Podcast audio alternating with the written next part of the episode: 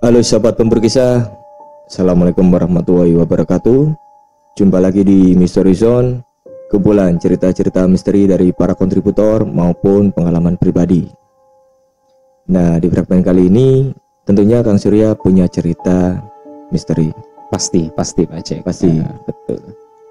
Ngomong-ngomong Kang Surya Sekarang Iya. ini kan lagi musim layang-layang Ya betul. Banyak sekali musim layang-layang ya, apalagi pas angin-angin lagi bagus-bagusnya gini ini. Betul dan rata-rata sekarang lebih kreatif teman-teman ini Betul sekali. Bahkan banyak yang memberi apa ya hiasan unik, termasuk juga bikin lampu dipasangi LED. Mereka Hmm. melayang tengah malam, gemerlapan, kelip-kelip. Kalau teman-teman apa sering lewat jalan di sepanjang Pantura mungkin sudah mulai rame itu layang-layang pakai betul. lampu LED warna-warni itu ya. Nah, nah di cerita kali ini ada hubungannya dengan layang-layang katanya Kang Surya. Betul sekali. Ini pengalaman dari cerita dari teman saya ya. Ini Mas Samsul ini. Jadi dia punya pengalaman eh, horor ketika bermain layang-layang gitu Pak Cek. Hmm. Ini kejadiannya tahun berapa nih Kang Surya? Eh, Kira-kira tahun 2009 ya, waktu masih baru-baru apa mau lulus kuliah kalau tidak salah itu. Hmm. Oke Kang Surya bisa dimulai ceritanya. Siap-siap. Oke. Jadi ceritanya begini Pak Cek. Eh, ini seperti yang saya sampaikan tadi, kebetulan teman saya ini Mas Samsul ini mulai kecil sampai sekarang dewasa sampai sekarang sudah apa jadi bapak-bapak itu memang seneng main layang-layang. Nah, salah satu kebiasaannya itu selain suka memainkan layang-layang, Mas Samsul ini juga apa ya kreatif membuat layang-layang. Jadi ya apa ya layang-layang itu jenisnya mulai model-model ikan, model-model apa ular yang memanjang gitu, bahkan juga bentuk-bentuk yang unik atau mungkin geometris dia bisa bikin.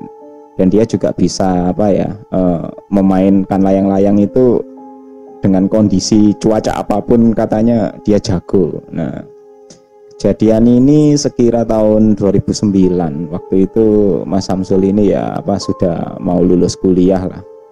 Ya apa ya waktu itu kebetulan dia kan rumahnya itu ya di daerah desa pelosok. Ketika dia pulang lagi liburan musim kuliah gitu jadi dia itu di daerahnya lagi musim layang-layang.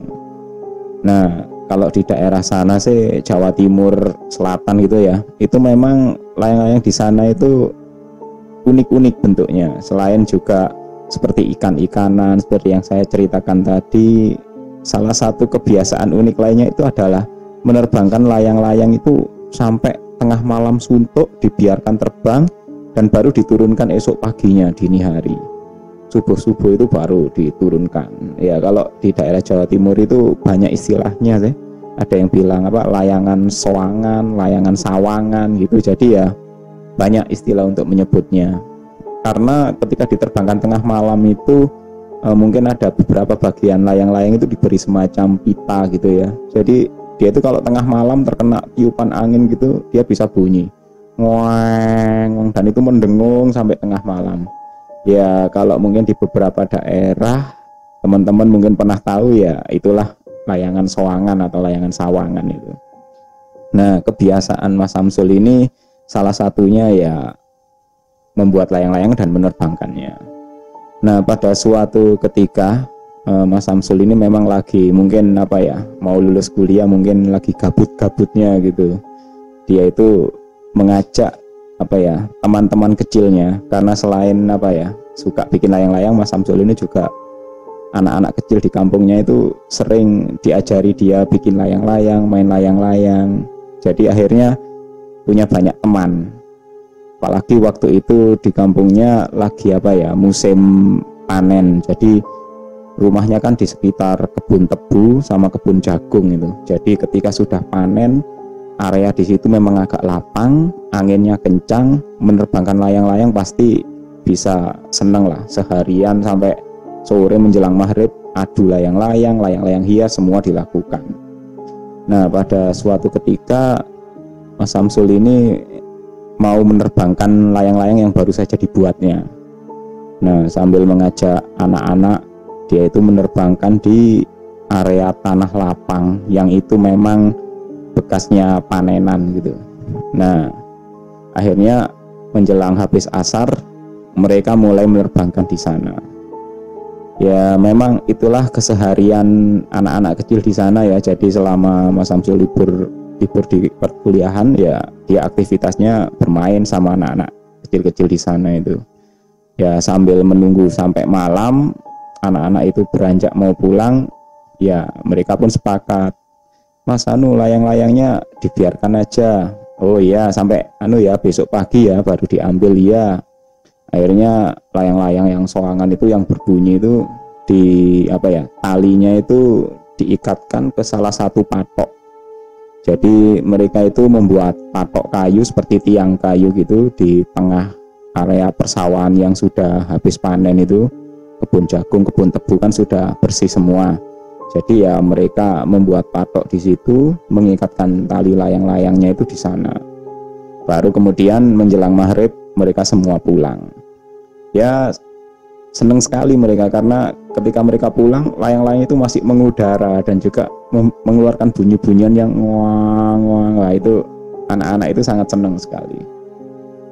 Akhirnya mereka pun juga aktivitas setelah malam ya mungkin mengaji belajar dan lain sebagainya. Itu pun berlangsung sampai tengah malam. Jadi ya suara dengungan layang-layang yang mereka terbangkan menjelang maghrib tadi itu masih terus mereka dengar. Jadi seantero perumahan sekitar perkebunan bekas kebun tebu dan jagung itu tadi. Nah akhirnya malam pun tiba mereka pun bersiap untuk istirahat untuk tidur kira-kira jam 9 jam 10 kan daerah pedesaan biasanya sudah mulai sepi termasuk Mas Samsul juga istirahat karena ya mungkin beberapa hari lagi dia harus balik ke kampusnya menyelesaikan studinya gitu. Akhirnya malam pun berjalan dan suara layang-layang itu masih mendengung membiarkan Mas Samsul dan teman-teman kecilnya terlelap dalam tidurnya masing-masing. Hingga akhirnya ketika menjelang agak malam. Kira-kira baru saja mereka tidur ya jam 10 atau jam 11 gitu. Salah satu teman kecil Mas Samsul ya yang rumahnya bersebelahan dengannya.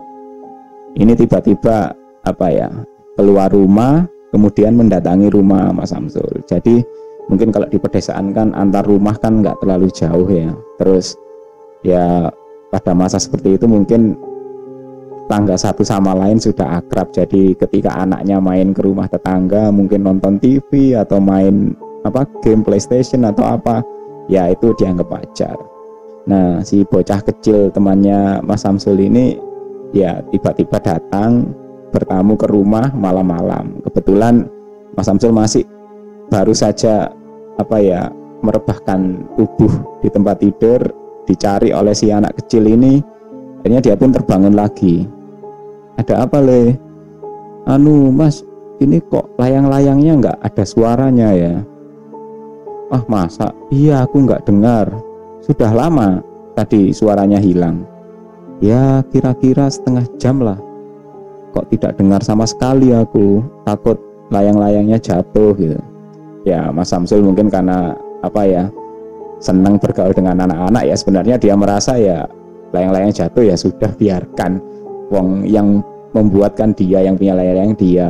Tapi karena dia mungkin kasihan anak anak kecil ini sepertinya sangat memperhatikan layang-layang itu. Akhirnya ya sudah kamu belum ngantuk kan? Ayo kita lihat ayo bawa center gitu. Ya akhirnya di tengah malam itu menjelang jam 11 itu mereka apa ya mempersiapkan mencari center kemudian pergi menuju area perkebunan tempat mereka tadi memasang tiang untuk layang-layang itu. Pergilah mereka berdua saja ke area perkebunan.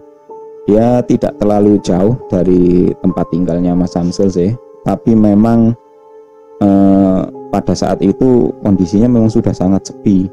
Jadi ya gelap gulita sepi terus mereka berjalan di area jalan setapak sekeliling perkebunan persawahan itu ya memang agak serem-serem juga ya selain juga khawatir ketemu apa binatang berbisa atau mungkin ular dan sejenisnya mereka juga khawatir yaitu tadi malam-malam gini ya ya menakutkan juga sih horor lah menurut mereka Nah, karena pikiran mereka fokus kepada nasib layang-layang yang tiba-tiba hilang suaranya ini, mereka pun tidak peduli. Ya sudah tetap kita jalan terus, jalan terus menyusuri jalan setapak kiri kanan bekas apa tanaman-tanaman yang sudah dipotong itu ya ya memang seram. Jadi angin berdesir langsung ke tubuh mereka ya dingin terus gelap. Cahaya hanya lampu senter benar-benar suasana yang apa ya membuat mereka merinding gitu. Dan anehnya malam itu tumben tidak ada suara-suara kodok atau serangga gitu karena memang apa ya sehabis panen itu ya mungkin tanaman sudah nggak ada pikir mereka. Jadi ya ngapain ada suara-suara binatang seperti itu? Mungkin ya karena sudah nggak ada tanaman ya mereka mungkin pindah ke perkebunan atau persawahan lain. Tapi indikasi seperti itu sebenarnya merupakan tanda yang itu tidak disadari oleh dua dua orang ini Mas Samsul dan juga si anak kecil ini mereka pun berjalan sampai pada tempat mereka menancapkan tiang tempat layang-layang itu diterbangkan. Nah, sampai di sana memang mereka menyadari, iya ya, suaranya makin dekat dengan tiang ini kok nggak kedengaran. Apakah layang-layang ini jatuh gitu? Akhirnya coba, ayo kita lihat pakai lampu senter. Mereka mengecek ke tiang itu di apa sorot lampu senter. Ternyata benang layang-layang itu masih terikat di tiang. Dan apa ya posisi benang itu masih mengarah ke atas. Artinya layang-layang itu masih mengudara layang-layang itu masih terbang. Tapi kenapa suaranya bisa hilang? Apakah mungkin pita atau mungkin apa alat yang mereka pasang di layang-layang itu terlepas atau bagaimana? Mereka juga tidak habis pikir Padahal layang-layang mereka cukup besar waktu itu ya, mungkin seukuran tingginya hampir satu meter lah setinggi malah lebih tinggi dari tubuh si anak kecil temannya Mas Samsul itu katanya. Akhirnya perlahan mereka pun mulai memegang benang itu ya masih masih melayang, layang-layang ini masih melayang. Akhirnya Mas Samsul bilang diturunkan aja dah layang-layangnya daripada nanti apa rusak terus jatuh malah benangnya membahayakan penduduk yang mau lewat takutnya tidak kelihatan. Ya sudah diturunkan. Sama si anak kecil itu sepakat. Nah akhirnya Mas Samsul mulai menarik benang layang-layangnya itu perlahan-perlahan. Dan si bocah kecil ini tiba-tiba berseru Mas itu kok ada layang-layang yang mengejar layang-layang kita ya? Mas Samsul masih cuek ah masa malam-malam begini kok ada layang-layang ngejar gitu emang siapa yang main layang-layang malam gini kalau bukan kita gitu? Akhirnya si bocah kecil itu mulai menyorotkan lampu senternya itu ke arah atas di mana posisi benangnya Mas Samsul itu melayang. Apakah itu layang-layang? Kok bentuknya itu apa ya? Berwarna seperti putih abu-abu gitu berterbangan mengejar ke mana arah layang-layang Mas Samsul digerakkan Mas Samsul pun mulai berpikir, siapa ini yang bikin layang-layang warna putih ini? Akhirnya ditariklah lekas-lekas benangnya layang-layang itu supaya bisa segera diturunkan. Setelah beberapa saat, mulai terlihat dari jauh, layang-layang Mas Samsul itu mulai terlihat bentuknya. Oh, itu layang-layang kita. Dan layang-layang warna putih itu pun juga semakin mendekat. Makin mendekat, makin mendekat. Akhirnya Mas Samsul pun merasa, layang-layang ini kok bentuknya aneh bentuknya itu seperti orang yang memakai pakaian putih. Jadi seperti orang memakai jubah putih gitu. Dan dia itu melayang terus bersama dengan layang-layangnya Mas Samsul. Seolah-olah mengejar gitu, berkejaran. Dan si anak kecil itu mulai takut. Mas, itu kok layang-layangnya kayak orang gitu. Sudah-sudah, ayo cepat-cepat kita turunkan gitu. Ditariknya layang-layang itu terus makin turun, makin turun, makin mendekat dan ternyata sosok layang-layang warna putih itu terus makin mendekat. Jadi ke mana layang-layang Mas Samsul pergi sosok itu seolah berada di depannya layang-layang itu seolah menghalang-halangi. Dan ketika bocah itu bocah temannya Mas Samsul menyorotkan lampu senternya ke arah layang-layang itu memang terlihat sosok itu seperti apa ya? Bergerak seolah menutupi layang-layangnya mereka. Jadi Mas Samsul sendiri pun merasa kendalinya itu semakin sulit ini kenapa ya? Benangnya ini kok semakin berat sekali. Seperti apa ya? Menarik layang-layang yang bobotnya itu 10 sampai 20 kali lipat. Sangat berat. Dan kendalinya itu seolah bergerak liar gitu. Tak terkendali.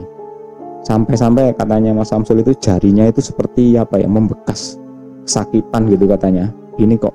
Dan anehnya benang itu tidak putus padahal bobotnya itu seolah-olah berkali-kali lipat tapi benang itu tidak putus.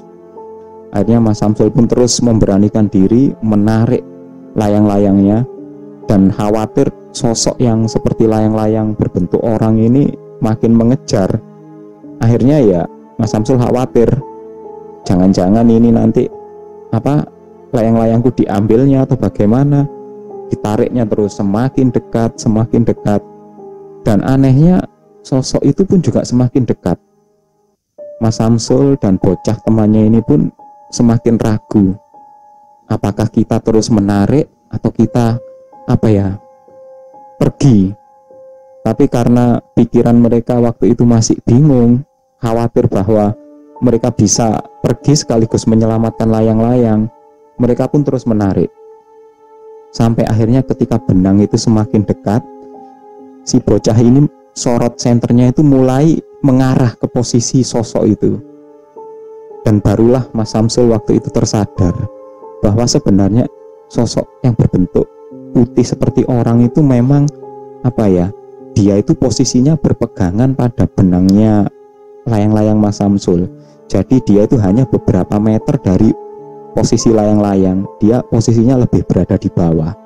Jadi seperti sosok apa ya wanita yang wajahnya mengerikan kemudian rambutnya juga panjang tidak karuan serta memakai pakaian seperti jubah warna putih gitu. Dan posisinya dia itu berpegangan pada benangnya layang-layang dengan kepala yang menghadap ke bawah. Dan ketika Mas Samsul semakin menarik benang layang-layang itu sosok itu seolah-olah semakin mendekat. Dan dia itu terlihat seperti apa ya? Berjalan berpegangan pada benang layang-layang itu seperti merangkak dan merayap di benang layang-layang semakin Mas Samsul menarik sosok itu pun juga semakin turun. Semakin dekat semakin dekat dan hanya beberapa meter itu wajahnya itu berhadapan dengan Mas Samsul dan temannya ini. Benar-benar apa ya wajahnya itu menyeringai menunjukkan matanya yang hitam gelap seperti tidak ada bola mata gitu. Tapi mulutnya itu apa ya menganga lebar gitu. Akhirnya karena ketakutan Mas Samsul pun melepaskan benang itu membiarkan layang-layang itu mengudara lagi dan membawa terbang sosok itu. Dan tak lupa Mas Samsul pun dengan segera melepas patoknya patok yang tadi apa mengikat benang itu dilepas dan kemudian melolos benangnya membiarkan layang-layang berikut benangnya berpuluh-puluh meter itu terbang pergi entah ke mana.